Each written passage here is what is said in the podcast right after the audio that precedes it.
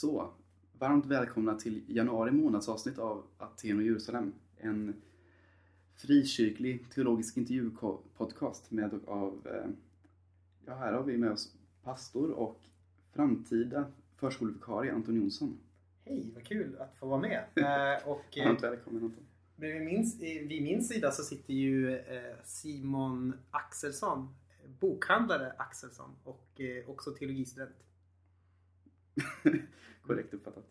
Precis. Eh, vi har haft en liten drive eh, Simon på Facebook. Ja, det stämmer. Mm. Just ja, vi eh, i ett desperat försök att jaga likes på Facebook Mm. så erbjöd vi, eh, ja vad gjorde vi egentligen?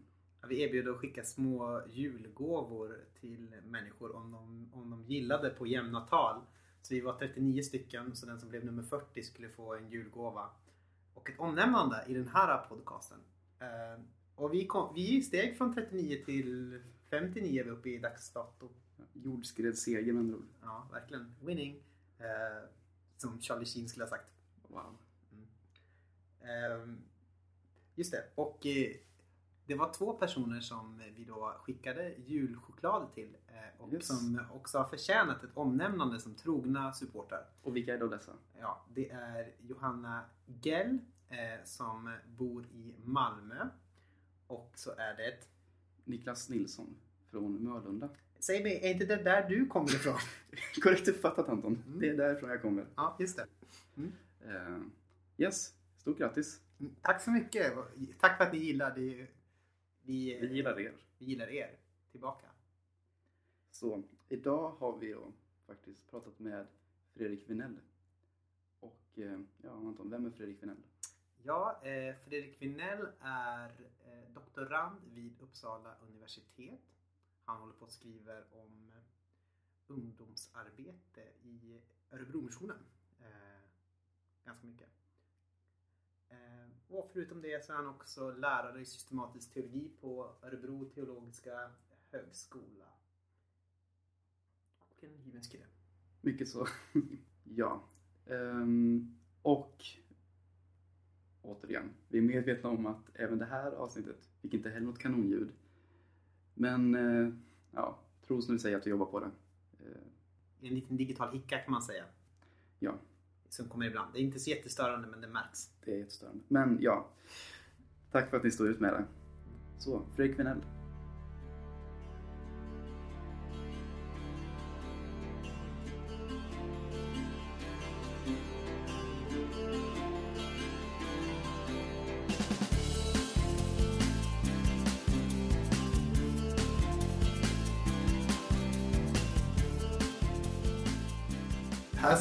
Och eh, myser tillsammans med Fredrik Vinell.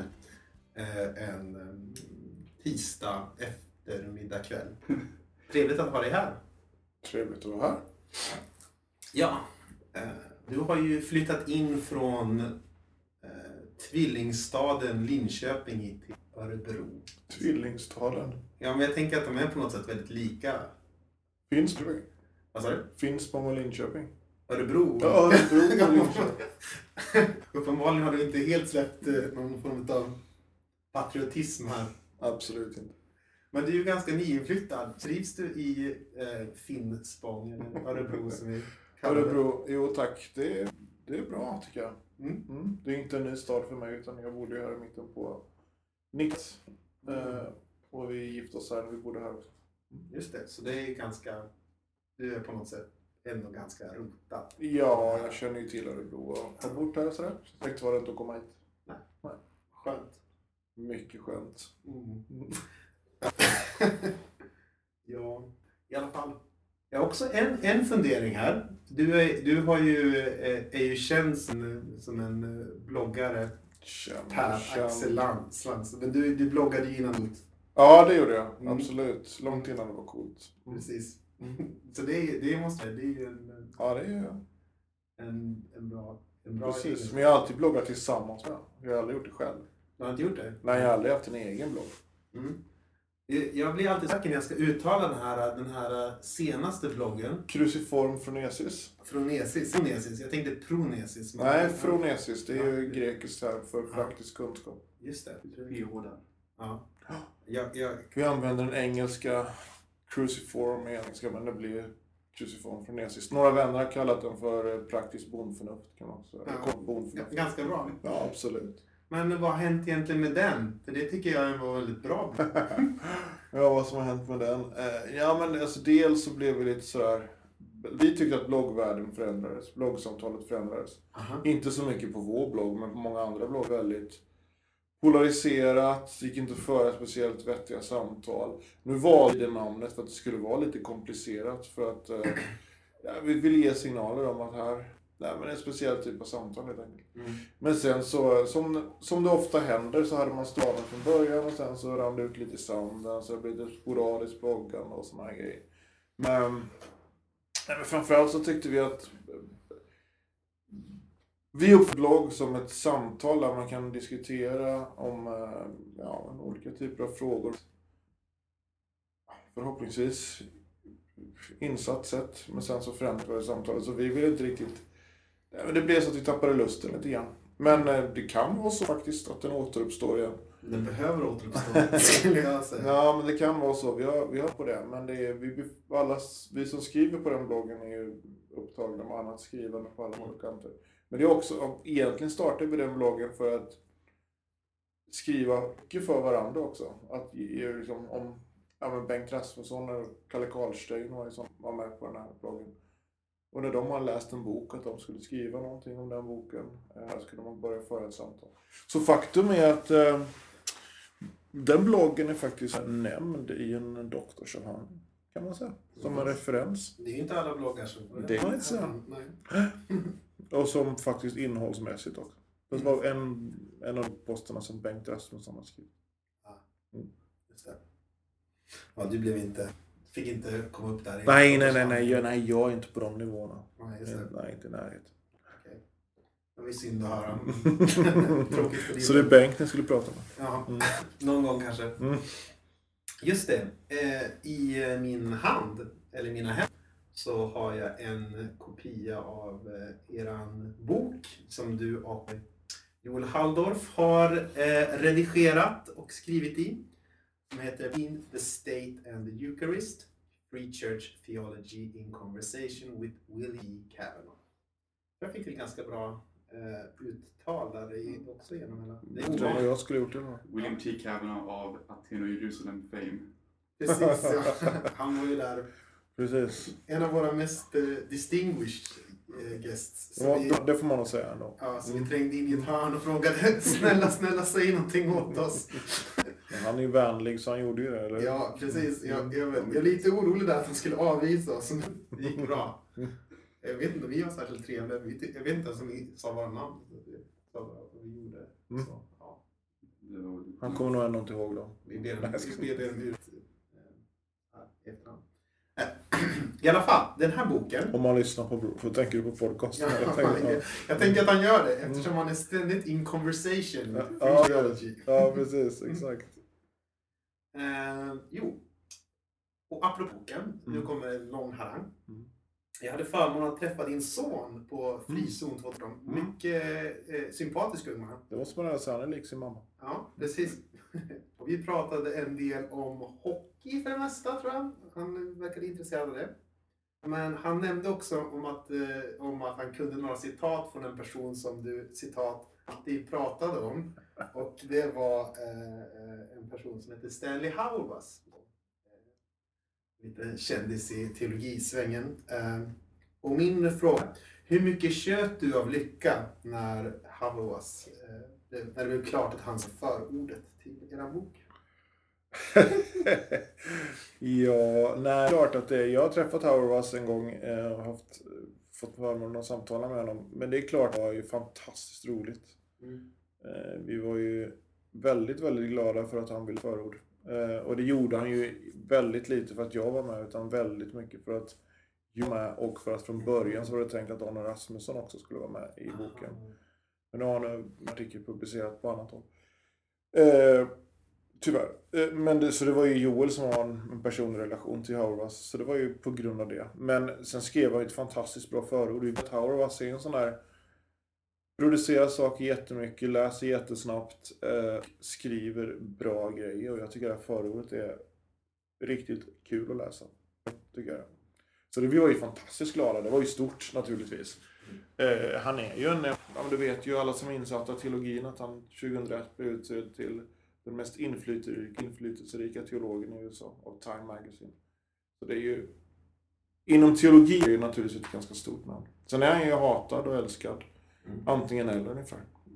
Ungefär som om Beyoncé skulle spela in ett, ett förord till ens skiva eller någonting. Ja, men li, lite, ja, den nivån, det kan man faktiskt säga. Mm. Skulle jag säga. Mm. Eller Beyoncé om du nu gillar dem. För mig skulle det vara Bono istället. Mm. Just det. Eller eh, filmen Arthur. Fart eller gang. Är det Medusa i skruvgubben? det skulle vara kul. Mm. ja. Eller Gösta kanske. Den här boken eh, är ju lite inramad på ett eh, snyggt sätt. Den heter ju Between the State and the Eucharist. Och eh, den är ju också bokstavligen mellan, eller det mesta av innehållet är ju mellan the State and the East. Först så finns det liksom en beskrivning av den svenska välfärdsstaten. Så på slutet så skriver William T. Kavanaugh en artikel. Vilken sorts gemenskap? Eh, nattvarden förkroppsliga kanske man kan säga.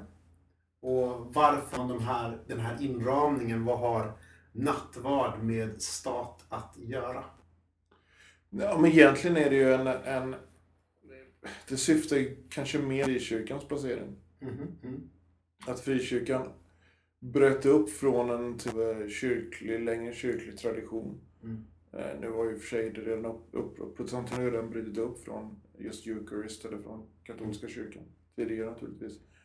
Eh, det var ju ändå ett brott med den typen av sakramental teologi kan man säga att frikyrkan delvis var.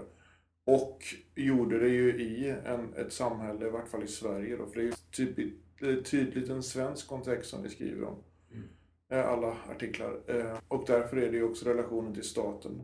Som, och vad händer med händer med en frikyrka som just lever i den spänningen mellan en, en mer traditionell, eller vad man ska säga, traditionsbaserad sakramental kristen tro och en stat.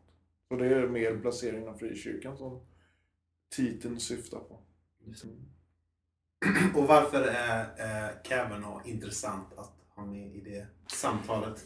Kevin är intressant av flera skäl skulle jag säga. Eh, dels är det ju, måste jag säga också på den här skolan som jag idag jobbar på, Örebro teologiska högskola, så är ju Kevin så att han är katolik, eh, så är han en, för många av oss, en viktig teologisk figur.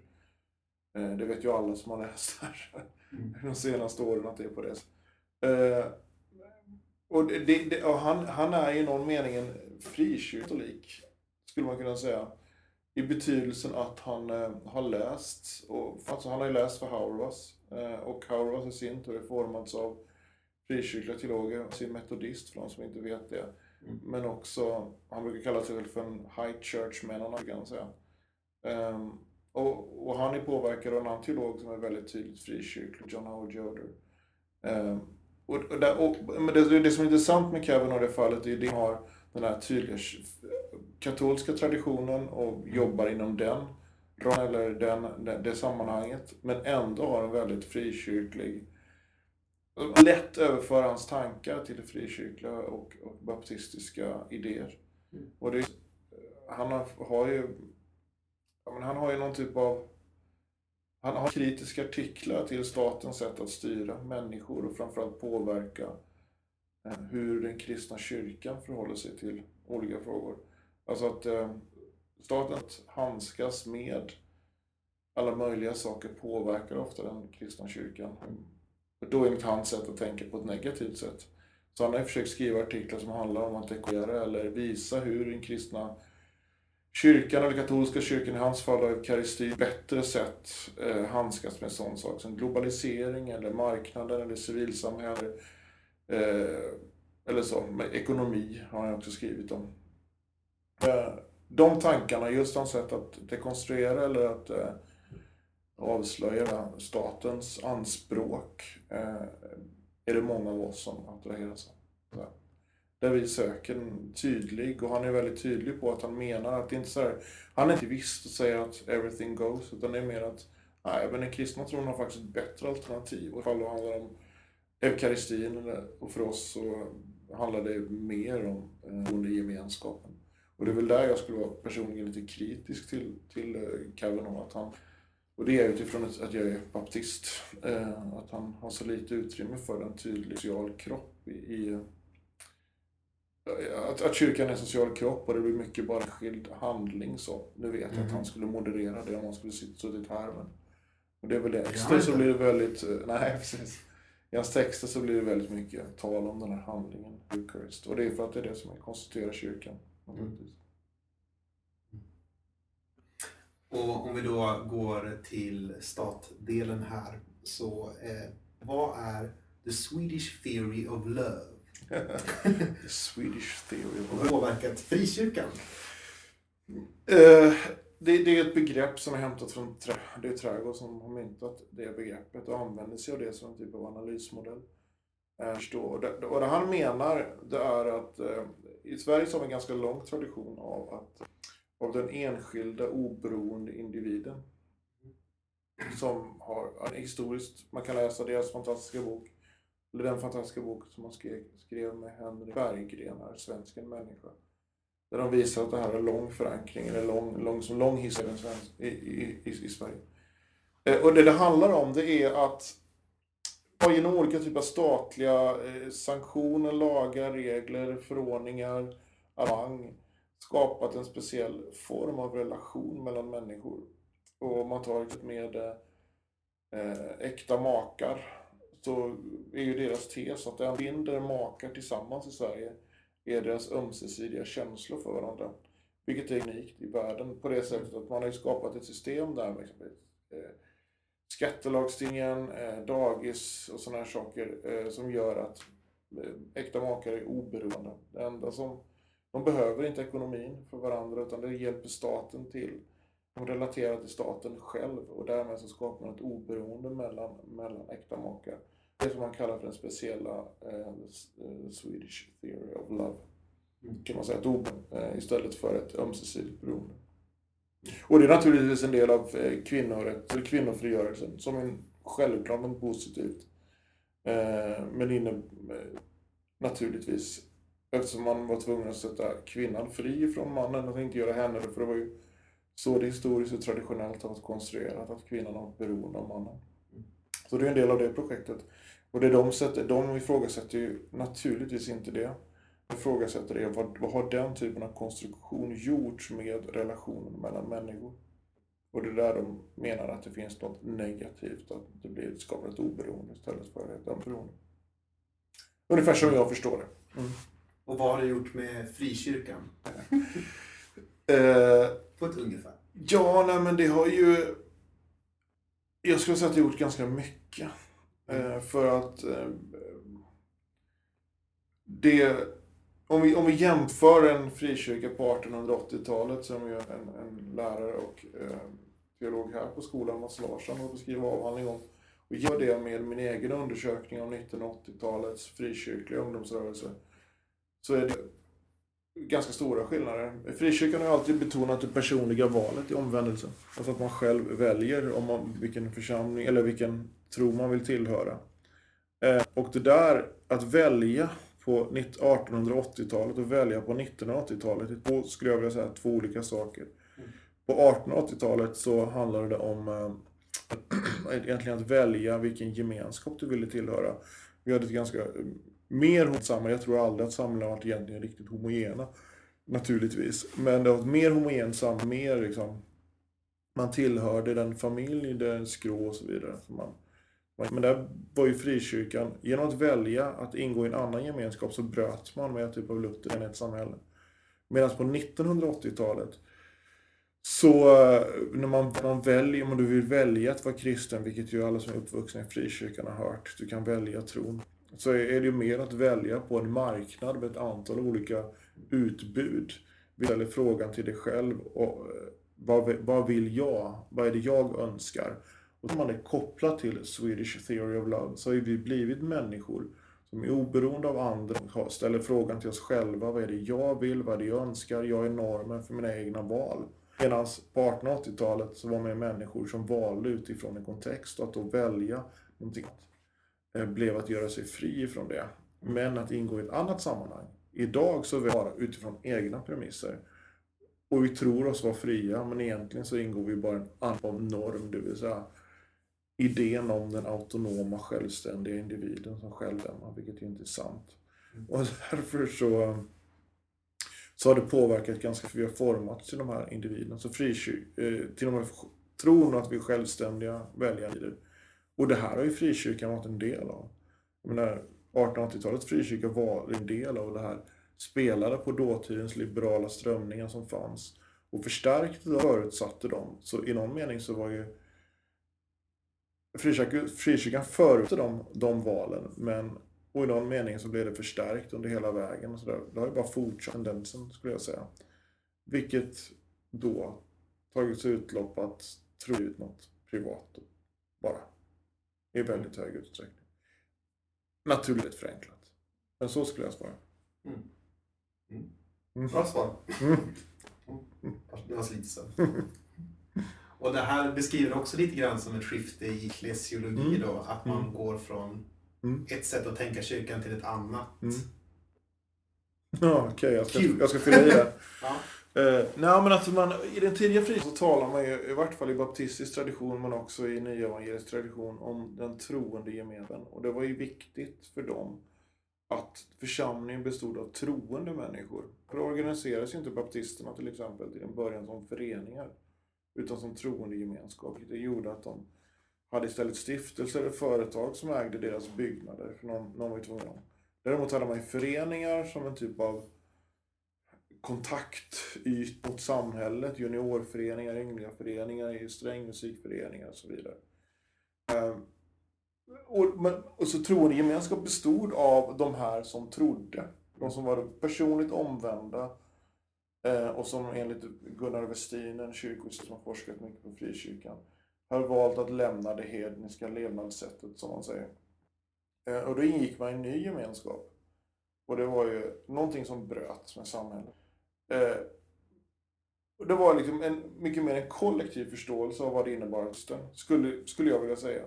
Medan idag är ju mer kyrkan till för, tro, alltså kyrkan idag är mer till för någon så här att fylla tidens behov eh, av egen tillfredsställelse eller upplevelse eller religiösa intressen om jag ska vara riktigt sarkastisk.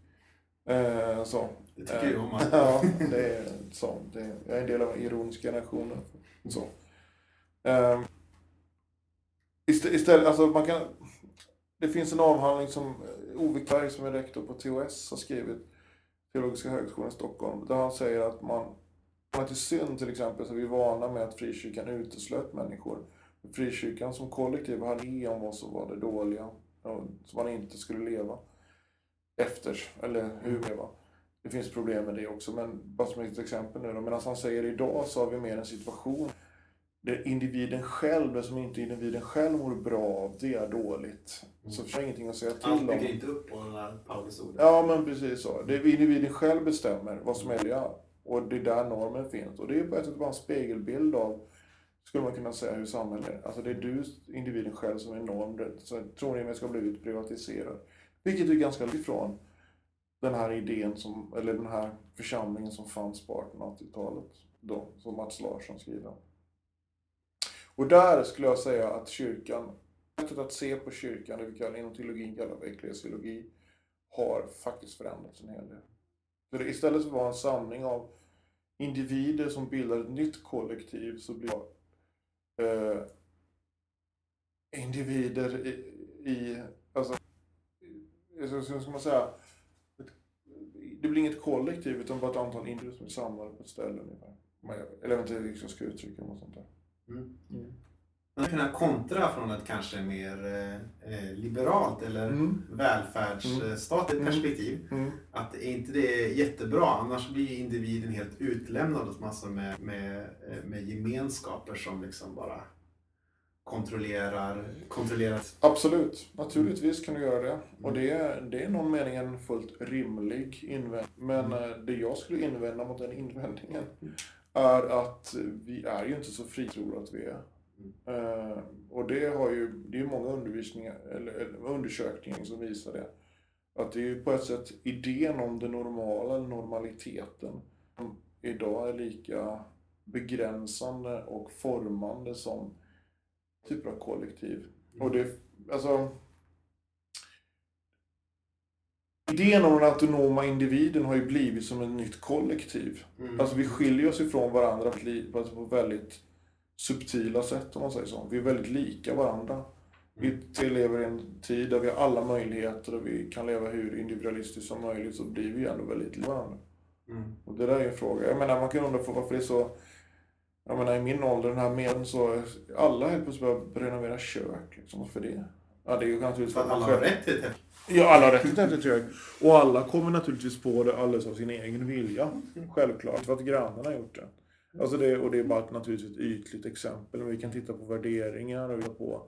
Det är helt enkelt svårt att sticka ut i ett individualistiskt samhälle. Det var Hagman tror jag sagt det. Att, det är, eh, att individualismen gör oss lättare att kontrollera som kollektiv. eller Ja, precis. Och få- där går delvis tillbaka på en teolog som Dell som säger att Mm. eh, det liberala samhället styr inte genom normer och värderingar utifrån utan genom idén om det fria valet. Mm. Jag skulle tro att han har hämtat det därifrån. Säkert. Mm. Han har inte fotnotat det. så Nej, det, det kan man ibland. Det är bra. Eh, eh, eh. Du skriver framförallt om ungdomsarbete. Eh, Ja, också I den här i Mm. boken så är det ju mycket Mm. arbete. Mm.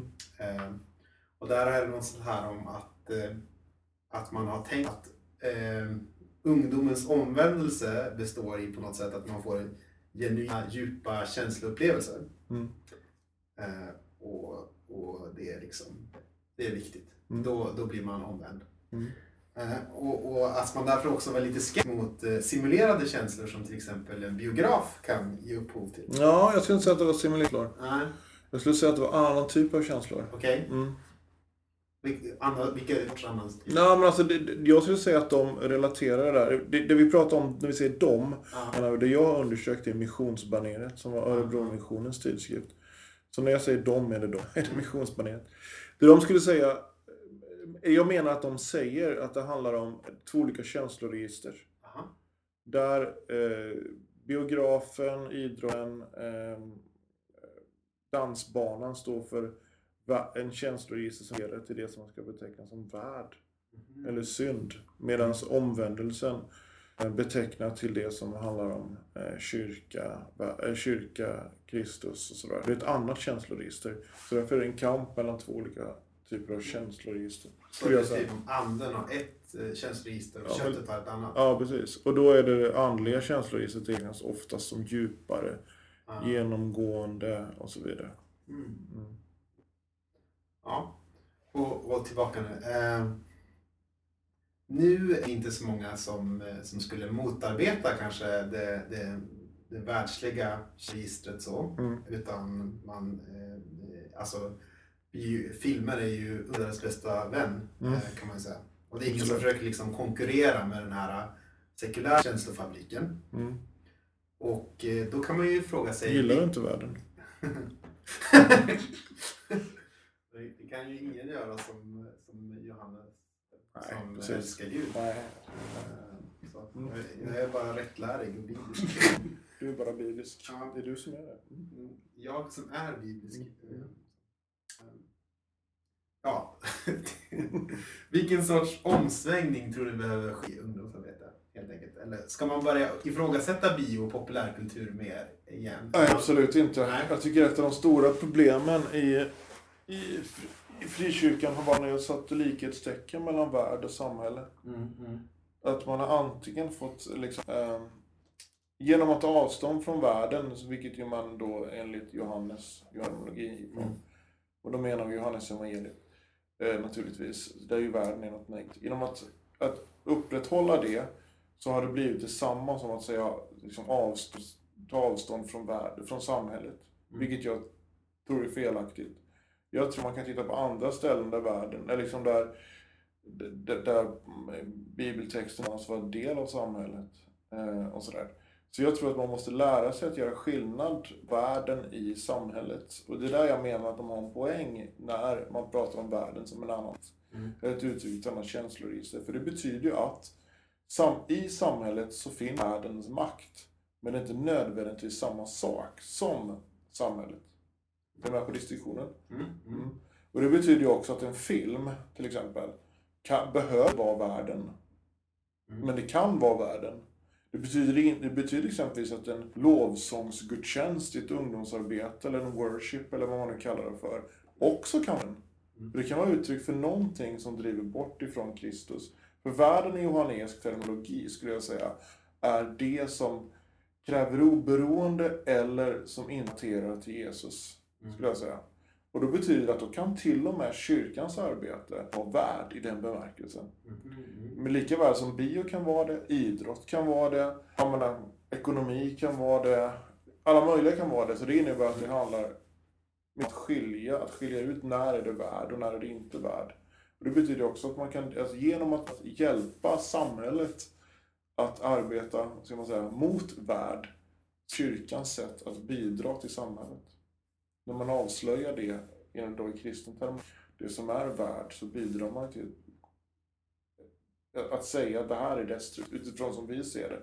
Sen kan det ju innebära att samhället inte tycker att det är destruktivt. Naturligtvis. Då är kyrkans uppgift att fortsätta tänka, jo men vi menar utifrån förståelse av vad Gud vill människan eh, och naturligtvis i avbilden Kristus så är det destruktivt. Och där så tror jag jag, är inte på något, jag menar inte att frikyrkan och kyrkan, jag, jag, vill skriva teologi för kyrkan egentligen överhuvudtaget, och inte bara för frikyrkan. Men jag är frikyrklig teolog så det är därför jag relaterar till det. Eh, vad sa du? Det är så typiskt. Eh, så jag vill inte göra, ans- göra andras anspråk. Men, men jag är inte alls negativ till att omvändelse eller frälsning eller kristen tro har, eh, har med känslor att göra. Det är inte jag alls negativ till på något sätt, tvärtom.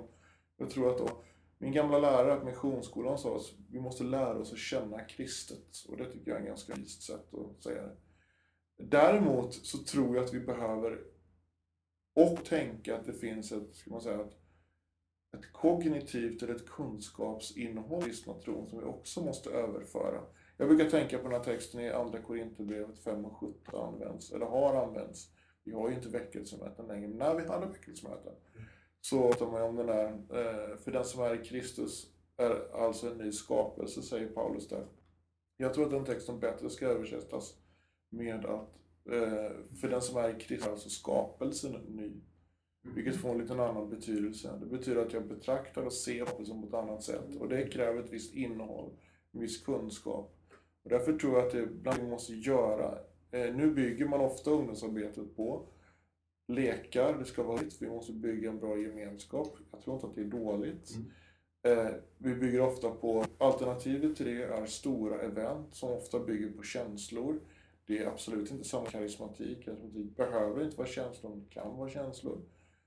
Eh, det är för det man bygger lite på idag skulle jag säga. Eh, happenings eller lekar. Jag tror att man behöver ha, vi behöver återupptäcka på ett sätt bibelsamtal också. Jag är inte människan att göra det. Men där man, man kan ta ett exempel som jag tycker är fascinerande från 1880-talet, Asker igen då. Eh, där man kom tillsammans, hade en fråga, någon av tonåringarna en fråga. Och så resonerar man omkring det, där många fick ge uttryck för vad de tyckte och tänkte. Sen så passat pastorn i det här fallet då, det är i relation till bibeltexten, och sen drog man en slutsats. Och det där är intressant, för att då får alla delta i samtalet. Det är tonåringens frågor som tas på allvar, resonerar, alla får komma till tals. Sen drar man en slutsats och läser bibel, relevanta bibeltexter i förhållande till det. Och sen funderar man på, okej, i förhållande till det här, vad betyder det att leva som kristen? Skapar man på, i någon mening en ny förståelse av att leva i världen, att se skapelsen på ett annat helt enkelt. Det tror jag, så det här, ett bibelsamtal och relatering till det. Och, sen, jag, så, och jag tror att tillbedjan är väldigt viktig i det här också. Vi jobbar som pastor i Johanneskyrkan i Linköping så brukar vi säga att tillbedjan är verklighetsterapi. För det lär mig att förstå att jag inte är centrum av tillvaron. Ens i mitt eget liv. Eh, och det är så de, liksom, bibelsamtalet och platt till bön och tillbedjan är ju de stora grejen, det viktigaste i allt. Och det gäller att vi inte byter. Lekar är viktigt, men det är inte det viktigaste. Mm. Så, och där ibland tror jag vi har vänt. Och det förklarar jag mer om varför jag tror det har hänt i min avhandling. Mm. Som kommer gå kanske. Är det cliffhanger vill du säga? Ja, absolut. Jag får tyvärr inte sälja den ens en gång, men den kommer ladda ner gratis. Så det är lugnt. Wow. Radikalt. Mm, mycket. Det är småanarkist. Ja, verkligen. Har- Speciellt som en annan speciellt har betalat för det, staten. Ja. Mycket kul. Eh, Just det. Eh, Om man googlar runt lite på the interwebs, som det heter i ungdomsspråk. eh, eh, Ja, inte. jo, jag är ganska säker på att man säger så. I alla fall, om man googlar runt på nätet eh, på ordet katolsk eh, baptism Mm. så kommer namn upp. Oj. Oj, Ja, jaha, för det. ja, för det finns inte så många som har skrivit om katolsk baptism helt enkelt. Ehm, också. Och I den här boken som vi har, som du har i min hand igen eh, så talas det en del om katolicitet. Mm. Vad är det här katolska och varför är det viktigt? Eh, alltså det, på ett sätt är det, att säga att man är, att, att när jag har använt det begreppet, använt det så mycket längre. Men när jag har använt det begreppet så har jag gjort det för att liksom anknyta, liksom, hur ska man säga? Anknyta till och eh, visa att eh, det finns en allmänkyrklig tradition som man delar, eller som vi delar med alla de kristna. Och då brukar jag tänka att det är de tre stora bekännelserna, Apostolikum, Nikea och Athanasianum. Eh, med, och det, ja, Kalkedon också möjligtvis, som är liksom erkända av alla kyrkor. Och det är ett sätt att bara säga katolsk i betydelsen allmän. Mm. Och sen baptist är ju mer specifika hemvist Mm. i, på den kyrkliga kartan där som förknippas med din och församlingssyn. så det är liksom inget mer komplicerat än så. Och det är samma sak där. Alltså, där har vi ett sätt att förklara det allmän kristna, allmänkyrkliga. Mm. Just det. Det har ingenting liksom med någon form av kat- Du romersk-katolsk att vill, du vill inte böja dig under påven? Nej, det är inte riktigt min. Inte? Nej. Okej, vad bra. Eller vad man ska säga. Jag du vill. Har vänner som har konverterat och det är helt okej för mig, men Ja. inte min grej. Ehm, just det. Ja. Kan man egentligen... Man, man kan ju tänka sig att frikyrklig identitet, eller baptistisk identitet, som i eh, vårat fall, eh, den bygger mycket på egentligen i protest mot mycket av det allmänkyrkliga, man kan säga. Ja, hur då? Ja, alltså man säger ju att vi håller på med trosbekännelser och sånt där. Utan vi, Ja, läser nu gör ju jag gärna det de jag är en del av. Men... Ja, precis. Ja. Inte, inte alla, men eh, många har väl Ja, absolut. Och sen så har man ändå skrivit bekännelser. Ja, fast det, det som skiljer där är ju inte det är ju att baptisterna sällan har antagit en bekännelse som bindande som de Mm. kyrkotraditionen har gjort. Lutherska med sin Confessio Augustana och, och sådär. Och, eh, ja, de andra kyrkorna har ju det. Och det har inte riktigt baptisterna gjort. Utan i så fall lokala och Mm. möjligtvis nationella. Mm. Mm. Ja, var var jag på väg någonstans? Eh, eh, jo, men kan egentligen koppla an till det, det allmänkyrkliga eller det bredkyrkligheten, det katolska utan att på något sätt förgöra det som man har. eller, Ja, det tycker jag. Alltså, dels, dels är det naturligtvis så att mm, våra föräldrar hade ju inte gjort det på det sättet. nej. Nej. För de var ju, jag menar, de var förföljda, sagt, hotade till livet och fick sitta i fängelse och allt möjligt. Så det är klart att det var mer problematiskt för dem att göra det. Eh, Men historien har ju eh, förändrats. Det har blivit nya förutsättningar. Mm. Eh, vilket har också inneburit att vi har lärt av de traditionerna behovet av bekännelser, behovet av eh, behovet av gemensamma sätt att uttrycka tron. Alltså en, jag förstår det som en tros grammatik. Hur ska jag tala om Jesus för att förstå honom kristet? Hur ska jag läsa Bibeln för att läsa den kristet? Jag tror nämligen man kan läsa Bibeln och inte alls behöver läsa den kristet. Mm. Och då behöver man bekännelserna. Man behöver en trons regel som kyrkofärden, det är talar om, för att kunna läsa det kristet. Ehm, och det har, gör att vi har lärt oss av mm. de andra kyrkotraditionerna.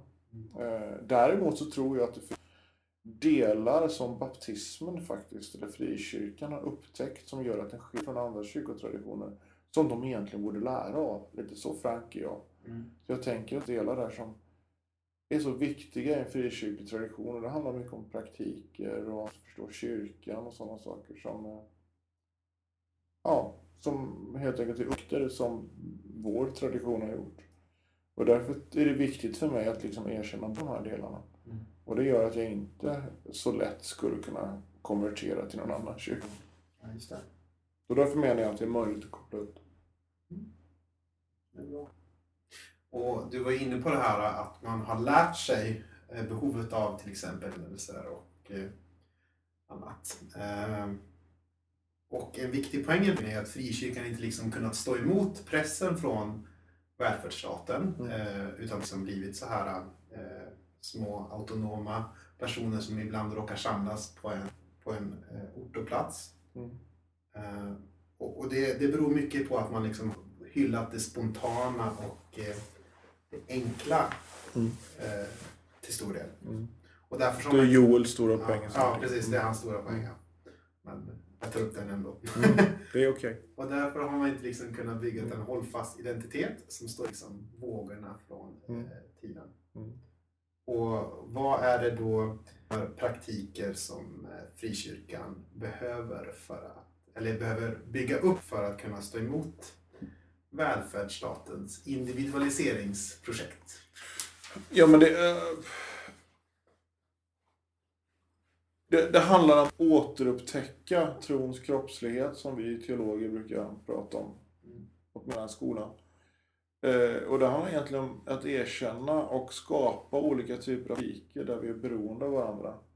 Och det kan handla om allt ifrån Eh, ekonomi till eh, råd i livsval. Eh, vi har ju... Eh, vi funderar på var, vad det är som gör att vi aldrig resonerar. Varför, varför man aldrig till kyrkan eller till sin husförsamling eller vad man nu har. Eller till pastorn eller hur man system, ett idé om det. Och frågar om man ska göra, byta jobb till exempel. Eller flytta, något sånt där. Det gör vi ju aldrig. Eh, en gång i husförsamlingen i Köping så var det en kvinna som kom som fått erbjudande om att stiga i karriären på ett av företagen. Hon kom och frågade vad göra. Eh, frågan om husförsamlingen och vi samtalade om det och ställde frågan, Vad tror du om Löfven. Vad tror du om kyrkan? Vad tror du om vännerna? Vad, vad innebär det i överlåtelse åt det här företaget? Att det skulle vara i en bättre lön, det fattade ju alla. Så bad vi för det, samlade om det och så tog hon ett beslut. Och det är ju ett typexempel som jag tycker är ypperligt på hur på ett enkelt kan i någon mening göra sig beroende av varandra. Nu kanske hon har tagit samma beslut ändå, det vad vet jag. Men det är en, man utelämnar sig till andra. När vi skulle flytta så förde jag samtal med många av mina. Det var hur, nu i somras, vad, hur, vad tänker vi? Vad innebär, vad innebär det för församlingsliv, för våra vänner, för eh, vad tänker ni? Och, sådär. och så pratade jag med dem om det. Det är ett sätt att involvera. Och det var mina vänner i församlingen i Linköping. Um, och det är ett sätt att involvera sina beslut. Och det tänker jag är ett sätt att göra sig beroende och liksom att inbjuda till att göra det. Men till att vara en del av sitt eget liv. Uh, men det handlar ju också om, det handlar om konkret överlåtelse, de jag tillbringar, firar gudstjänst med. Att man gör det regelbundet, att man är trogen sin husförsamling, sin gudstjänst och inte går på känsla. Det är det Joel är inne på, att vi alltid har byggt på spontanitet i kyrkan, på gudstjänst när jag känner för det eller när jag har tid. Istället för att säga, nej men söndagar går vi till kyrkan. Howard Wass brukar ju säga till det någon gång när han berättade när han var liten, eller han var liten, när hans son var liten Så frågade han, varför måste kyrkan pappa? Och han krass som Howard säger så svarar han, med, svarar han bara för att kristna och så åkte de. Och det är liksom lite den där känslan, vi diskuterar inte det. Det är lite det försöker, har vi försökt i vår familj att, ehm, och också att ha de här återkommande platserna med samma människor man återkommer till och tillber, samtalar om högt och lågt. Alltså att återupptäcka det här beroendet och överlåtelsen till andra människor. Och då menar jag konkret människor. Mm. Den troende gemenskapen. Mm. Men ja, det här är ju det är säkert bättre förslag. Men det, och det är väldigt allmänt formulerat än. Men det tänker jag också att det är också det stora, den här kongregation- kongregationalistiska församlingssynen som gör att man är beroende på var man befinner sig i den församling man befinner sig i så kan man hitta olika lösningar på, på att vara en troende gemenskap. Så, och det, så, det finns ju de som eh, berättar om församlingar som är väldigt liksom, konkreta i det. När någon är sjuk så en, en, kittel kittare med mat till exempel. För att man har sån månar om varandra på det sättet. Och det finns ju många konkreta sätt som man kan bygga det här beroendet. För beroende för mig är inte farligt, utan beroende för mig är bara egentligen frågan om vem man är beroende av. Och till vilka man först relaterar. Det är min, vi tror att vi är oberoende idag, men det skulle jag säga inte speciellt korrekt beskrivet. Inte speciellt. Okej, det kan väl vara man tror det, men jag tror inte det är en korrekt beskrivning av hur vi fungerar. Nej. Jag säger inte emot. jag backar. Ja, precis. Ja. Precis. Eh, Jag funderar också på, eh, eller sådana personer som kanske Howell was Kavanaugh. Mm. De skulle väl kanske lyfta fram liturgin som Mm. ganska viktig för Mm. det här. Mm. Hur ser du på den kopplingen? Till exempel Kavanaugh skriver ju jättemycket om i förhållande till Mm. allt. Eh, typ. Personligen så uppskattar jag ju med liturgi förmodar jag att du menar vadå, en ordnad gudstjänst? Eller? Jag, är med, jag med, alltså, alla har ju liturgi, men, såklart, Ja, precis. men en rätt liturgi kanske Ja, man kan precis. i deras... eh, Jag är inte, jag är inte fundamentalist på det sättet. Så att jag, jag är väldigt dålig för övrigt på att eh, min kollega eh, när jag jobbade i Handelskyrkan, Magnus brukar alltid sitta med bingo och undra vad jag skulle göra fel på den här söndagen när jag skulle läsa instiftelseord, eller leda nattvarden och sådär. Jag är ganska dålig på att återupprepa saker nämligen. Eh, jag är så spontan, jag är frikyrklig. Men, men, eh, men jag, tror, jag tror att vi behöver ha upprepade handlingar.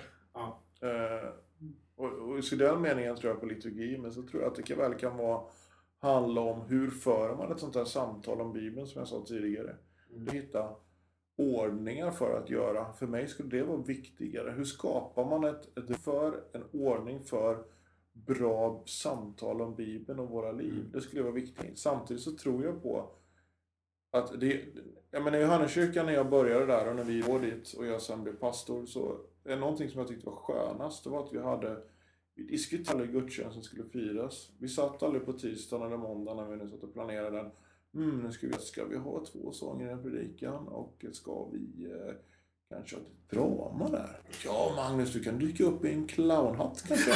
Nej, men, vi hade det. Utan vi hade den här otroligt tråkiga Amaria Miralera, lite mer så det kan gå till.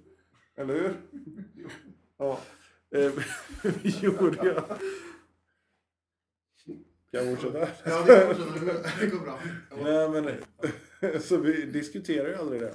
Utan vi hade liksom, det var fika, det var, och sen när vi hade utvecklat eh, gudstjänstordningen lite så var det en lovsång, hälsa välkommen, lovsång i predikan, nattvard och förbön. Alltså, så var det. Alla visste det. Lovsångsledare visste det, de som ledde tillbedjan, de visste det. Det var så här upplagt. Så här många sånger skulle de ha. Det, det var jätteskönt. Och folk visste, när de kom till Johanneskyrkan så visste de vad de förväntade sig. Och när vi började med en mer utbyggd liturgi, eller allmänkyrklig liturgi, så var folk motståndare. Flera stycken reagerade och tyckte att det blev för svenskkyrkligt och sådär. Om du skulle åka till Johannes och fråga så tror jag att väldigt få skulle säga att de ville ha tillbaka det andra. För det blir någonting som man kan bli, som man kan vara i och det, liksom, det gör någonting med mitt sätt att tillbe. Och, så att på ena sidan, jag är öppen för att man kan laborera med ordningar. Framförallt tror jag att vi behöver hitta ordningar för det här andra bibelsamtalet och den typen. Eller skapa beroende av varandra. Men jag tror också att vi behöver ordning i gudstjänsten. Och varför ska man hitta på lite på nytt? Kan inte släppa clownhatten riktigt. Nej men det är så det liksom, det kommer en clownnäsa ja, just det. Det, det, har, det har hänt. Ja, kanske det. Något vi känner. Inte clownhatt kan jag inte säga. Men många andra hattar. Många andra hattar. Ja, precis. Måste ju överraskningsmodeller. Ja, just det. Så throw them off eh, balance. Eh, just det. Eh, I Sverige, som vi bor i, eh, eller gör vi det? Mm. Ja. Så Insiktsfullt. ja. Wow, vilken kille va? I Sverige tänker jag att det råder en sorts eh, luthersk eh, hegemoni, kanske man säger. Mm. Hänger, du hänger med så långt? Ja. Mm. Alltså den riktiga är ju på något sätt Svenska kyrkan och eh, alla andra kyrkor, till exempel orientaliska, om du får använda det ordet, kanske man inte får. Eh, frikyrkliga och sådär, de är ju lite kyrkor på nåder, på något Mm. sätt specialfallskyrkor. Mm. Eh, och, och ibland när frikyrkan diskuterar sig själv så tänker jag att man riskerar att liksom stryka under det här. Eh, till exempel ett nodnummer om, om, om frikyrkan som var väldigt mycket så här eh, vi har misslyckats som frikyrka. Vi, det, det här är, vi är i en fruktansvärd situation. Och sen så kommer det in några, och så kommer det in lite med jämna mellanrum och säger så här. Men i Svenska kyrkan, där är det, där är det jättebra för där har man en sån superbra ordning och sådär. Och så kommer någon eh, svensk kyrkopräst och säger så här. Ja, det är många frikyrkliga som, som eh, flyttar över till oss i Svenska kyrkan. Men de är ju inte helt värdelösa, de kommer ju med, andra, med bra saker.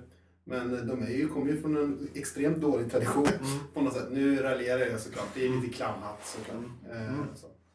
Och jag har funderat på er bok, om den fungerar lite så strukturellt. Eh, alltså inte i varje enskilt kapitel, men boken som struktur. Om den, om den riskerar att förstärka det. För först eh, så berättas lite grann, egentligen kan man ju säga grovt, om att frikyrkan har misslyckats, ändrats eh, på grund av statens eh, påtryckningar. Och sen Ja, så det vet jag. ja, kanske inte på grund... Ja, På grund av hur kyr- frikyrkan hanterat Ja. den situation som har befunnit sig i. Mm. ja men Men precis. fortsätter. Mm. Det, så kan man ju säga. Ja, och sen så strax innan eh, Kavanaugh eh, kommer det in, så kommer det en, en, eh, då ett kapitel kan man säga som egentligen hyllar ganska mycket en, en svenskkyrklig eh, församlings, hur de lyckas autentiskt vittne i, i, i sin lokala kontext. Och det kan de ju mycket väl vara. Det, det tror jag att de är säkert. Eh, och då funderar jag på om det är så här lite strukturmässigt, finns det en risk att man stryker under det här att eh, Svenska kyrkan är det rätta kyrkliga alternativet och de andra är liksom har mer eller misslyckats?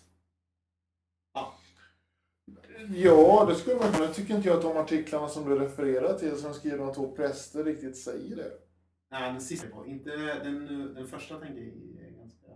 Ja, de, Ja. Ekedal som heter, Ja. som egentligen säger att frikyrkan och folkkyrkan har Samma problem. samma problem, skulle man Ja. kunna säga. Eh, det som det som Ides handlar om, som skriver varför är det så bra med det partikulära, Mm. eh, ungefär. Eh, det, det, id- idén med det, den, eh, det kapitlet, eller den artikeln eh, som han skriver fram, handlar ju mer om att det är en typ av korrigering till frikyrkan att inte låta det annorlunda vara definierande utan istället låta Jesus vara definierande. Mm. Kan säga. Vilket ju, eh, hans avhandling är väldigt kritisk till Svenska kyrkan. Mm. Som han bygger på och som han bygger på, den här artikeln delvis också på samma, samma lag, samma empiriska underlag. Eh, så och just de två författarna som skriver det här så är de förhållandevis kritiska till den svenskkyrkliga traditionen. Eh, och ju påverkas av det samma teologer som vi påverkas av. Så här finns mer, skulle jag säga, det finns en gemensam kritik från dem och från oss att frikyrkan och Svenska kyrkan har förlorat sin, sin kroppslighet. I, då är kroppslighet i betydelse eh, social gemenskap, social kropp. Eh, så att, ja, delvis kan man säga, men samtidigt var det en poäng, när vi tog med dem så var det också en poäng att säga, ja men vi vill lyssna på andra traditioner, vad har de att så, så försöket var inte att säga att det här är ett bättre alternativ, utan mer mm vad finns det här som vi kan lyssna på? Mm. Det var mer idén.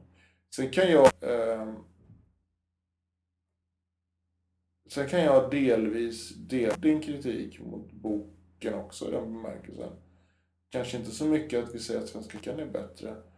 Som att eh, allt skulle, det kan tendera att låta som att vi kan totalt misslyckas och det skulle jag absolut inte säga. Utan jag läser det mer som att vi kritiserar vissa tendenser har uppstått. Mm. Och vad vi tror utifrån det. En sån kritik är ju mer tänkt som en typ av konstruktiv kritik. Om vi har gjort så här, det har blivit så, hur kan vi göra det? Till exempel. Ja, men du kan ju ta, min, min artikel handlar om omvändelse. Mm. Och fråga pastorer och studenter idag, ofta har ni en predikan om omvändelse, så är det inte så många som har gjort det på länge. Utan man talar ju hellre om helande, till exempel, än omvändelse. Eh, och om, idag pratar vi inte alls om barn och omvändelse i stort sett.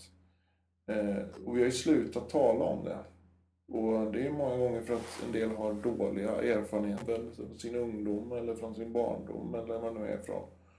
Eh, och då tänker jag alternativet att sluta prata om omvändelse bara för att det var dåliga erfarenheter. Alternativet måste kunna vara att prata om omvändelse och förkunna på ett bättre sätt. Och det är liksom, och det är det jag menar med det här exemplet. Att kritiken är ett sätt att säga, ja hur kan vi då tala bättre om omvändelse i mitt fall då? Och dels artikel som handlar om spontanitet och eh, tillfället handlar inte om att man ska sluta vara den här suckande, bönande, spontana individen utan att om jag skapar en rytm för bön eller vad det handlar om så kan det ge utrymme för det spontana. Eh, det är mer att genom att vi har gett upp det här rytmen, bönen till exempel, så har vi inte heller det spontana kvar. Det är det som är, och likadant Tone, en norsk som skriver. Eh, det är ju hennes poäng också. Genom att återupptäcka de där små rytmerna i tillvaron så kan vi få tillbaka, eller så kan vi också ha det spontana. Så att ja, delvis rätt, men jag tycker att du gör en lite elak läsning av det också. Men det, var, det är väl okej. Okay. Känns det bra? Jag måste väl- göra det. förut. Nej. Vad, vad sa du? Okej. Jag tror inte att det är någonting medvetet. Jag tror Nej, väldigt nej. sällan att folk är medvetet. Ja, men det skulle det kunna vara. Det är väl ganska många i frikyrkan som tycker att, precis som du säger, att eh, Svenska kyrkan har någonting bättre. Och det är jag inte speciellt övertygad om. Då hade jag ju konverterat för länge sedan. Bytt kyrka för länge sedan. Kvarter. Ja, det var Då måste man erkänna att det är en annan tradition och det kanske Ja. jag i och för sig skulle säga. Ja, men eh, vi får se. Mm. Eller vi får se. Det, det, det, Nej, jag kommer- jag det kommer inte- Nej, vi kommer inte se. Inte för att det är dåligt, men för att jag tror bättre här. Välkommen till klubben. Mm. Mm. Just det. Då går vi över till sektionen frågor. Mm. Mm. Vad är det? Frågor som vi ställer från Mm.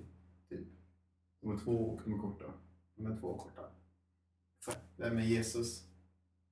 Sitta i, inom parentes för dig. Vem är Jesus för mig?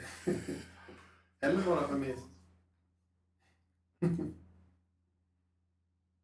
Ja, men då jag får väl citera Paulus då. Ifrån Kolosserbrevet 1. Den som håller ihop tillvaron.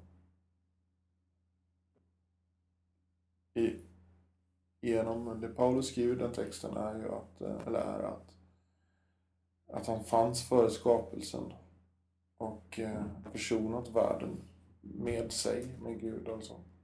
Och den som håller ihop, eller att den som, i honom hålls tillvaron ihop. Det är väl, ja men det är så jag ser Jesus. Det är sen målet och medlet, höll jag säga, för... Nu hörs. Tack. Och nu kommer vi in på det sista. Eh, har du något tips på framtida gäster? Bengt Rasmusson får jag säga. Just det. Tänkte att du skulle säga det. Ja. Haroldis som är väldigt, väldigt duktig. Eh, sen Linnea Åberg. Linnea Åberg. Mm. Tack så mycket. Patrik Forsling. Patrik Forsling. Mm. Då har vi tre. Det Är det rekord? Nej, tre förut då. jag tror att två. Nära på tre. Ja, men. Nej. mm. Vill jag fler? Om du vill får du fortsätta. Lally Karlsson. Mm. Pastor i Johanna Linköping. Ja, sådär. Tack. Jättebra. Vi klara. Tack så mycket för att du ville komma. Tack själv.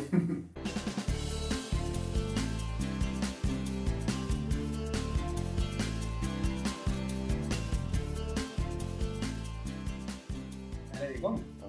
Okej, ja, vi ska börja med eftersnacket nu då. Ja. Då ehm, säger jag hej och välkomna till eftersnacket. Ehm, och eh, Simon, har du några eh, tankar efter samtalet med Fredrik? Eh, ja. Nej, men jag tyckte det var väldigt kul. Det var väldigt matat, eller mättat samtal måste jag säga. Mm. Så det gick rätt. Jag tycker, och jag tycker att det är jag tycker det är väldigt kul och intressant att diskutera här hur frikyrkan kan bli bättre på att vara frikyrka. Och det här med eh, det beroendet och den liksom ömsesidiga överlåtelsen. Jag tycker att det, här, det tycker jag alltid är kul att prata om. Det Jag, är, fick med, jag tycker jag fick med mycket. det är alltid kul att prata om. Och det finns, ja, om jag får fylla på där så Gärna. tycker jag att det finns någon form av också eh, alltså befrielse över att man inte bara allt är lagt på ens egna axlar utan det finns liksom fler som kan bära även i det här som man tänker är liksom, mina privata beslut kanske. Mm. Vilket så. Vad tänker du själv? Eller vad har du att säga om eh, avsnittet? Eller? Ja, nej, men jag tyckte det var väldigt eh, roligt eh, avsnitt och ganska så här rappt. Så. Mm. Det liksom växlade väldigt snabbt mellan, eh, eller det växlade liksom snabbt och det var väldigt mycket eh, tankar på kort. Ja, det lät ju konstigt när jag sa det men det var inte tänkt så. Eh, och så sen så tänkte jag också lite grann Ja, förlåt. Eh, att jag framstår lite, lite otrevlig kanske där på slutet men det, det, det här med, med För oinvigda så är det nog lätt hänt. för frågan om, om Jonas Ideström då, eh, hans artikel där på slutet av boken eh, som är från ett lutherskt eh, perspektiv. Och jag menar ju inte att eh, det är någon form av eh, att det folk är, håller på är ute efter eh, så, eller att han skulle vara jag tycker hans artikel är faktiskt väldigt bra. Men jag, tänk, jag menar mer att hur man strukturerar en bok ibland kan liksom understryka eh, vissa tendenser som finns i, i, i samtal eh, kyrkor emellan. Så jag menar inte typ att, att han skulle vara något, vara ute efter någon eller så. Typ. Mm. Ja. Gott så. Mm. Ja, men tills nästa gång. Och det blir väl i februari kan tänkas. Mm. Med, med nuvarande tempo. Mm. Ehm, ja, på återseende. Tack. I marschallens skugga.